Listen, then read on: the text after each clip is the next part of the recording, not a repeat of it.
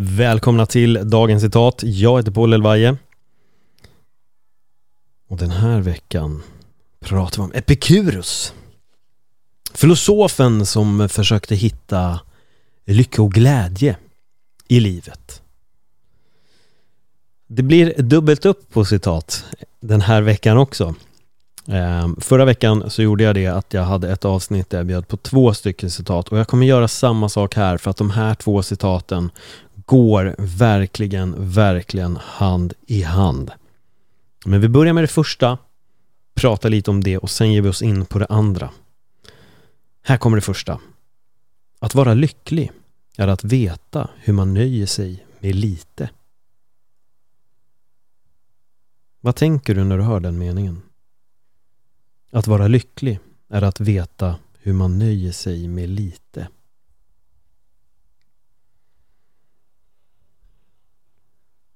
Vi vill alltid ha mer, är det inte så?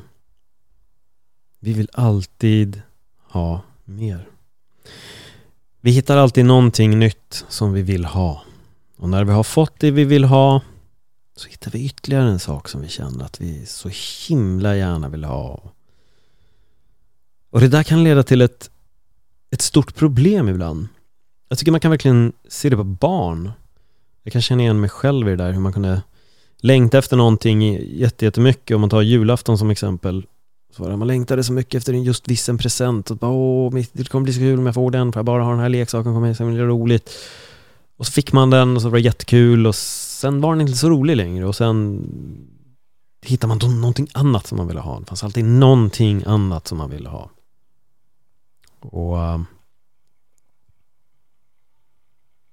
Det känns som att det pågår även när man är vuxen. Man tror sig ha hittat den här grejen som kommer att göra en lycklig.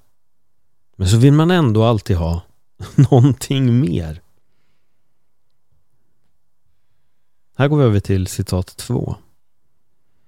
Den som inte nöjer sig med lite nöjer sig med ingenting. Det här går så himla bra hand i hand med precis allting det jag har sagt. Att man vill alltid ha lite mer och när man väl hade fått den här grejen så ville man ha någonting mer. Den som inte nöjer sig med lite nöjer sig med ingenting. Ja. Speciellt idag också när vi lever i ett samhälle där man konstant blir bombarderad av eh, reklam och intryck. Saker man vill ha. Allt från kläder till nya mobiler, ny teknik, kanske en kamera, en iPad, kanske en viss dator. Kanske spel. Musik hade man väl kunnat säga på 90-talet kanske, men inte idag med Spotify så är det inte riktigt samma känsla. Men filmer man vill se och hela tiden någonting nytt. Och jag tror att det är inget fel att vilja ha vissa saker, men man måste kunna nöja sig med det man har och förstår att det är även bra med det här. Jag behöver inte ett överflöde av prylar för att vara nöjd. Så det kan också leda till en besatthet där att man alltid ska köpa något eller alltid måste ha någonting nytt. Konstant. Och idag har ju alla som håller på med just den industrin lärt sig exakt hur man ska göra för att få oss att konsumera mer och mer och mer och mer. Sen finns det de som går och blir minimalister, att de har allt de behöver bara i en väska.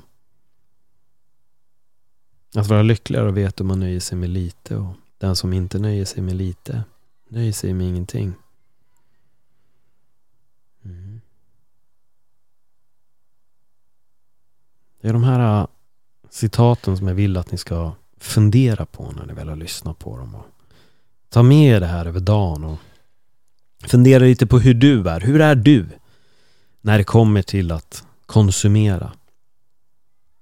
Har du alltid ett behov av att köpa nya grejer? Har du tio plagg i din garderob som du aldrig har använt? Hur mycket teknik har du köpt som du sen aldrig, aldrig har använt? Eller vad det nu än må vara. Så kom ihåg att den som inte nöjer sig med lite nöjer sig med ingenting. Mm. Det är lätt att gå runt och vara missnöjd hela tiden. Men tänk hur lyckliga vi skulle kunna bli om vi bara valde oss att nöja oss med lite. Hur landar de här orden hos dig? Skriv till mig på ett dagens citat podcast på Instagram. Så kanske vi kan chocka mig lite med, med era tankar och funderingar runt just det här ämnet. Ja, försök att nöja dig mindre för du är fylld av potential och har så mycket stora möjligheter i ditt liv än att bara vara en konsument och köpa massa prylar. Tack för att du lyssnade. Hej då.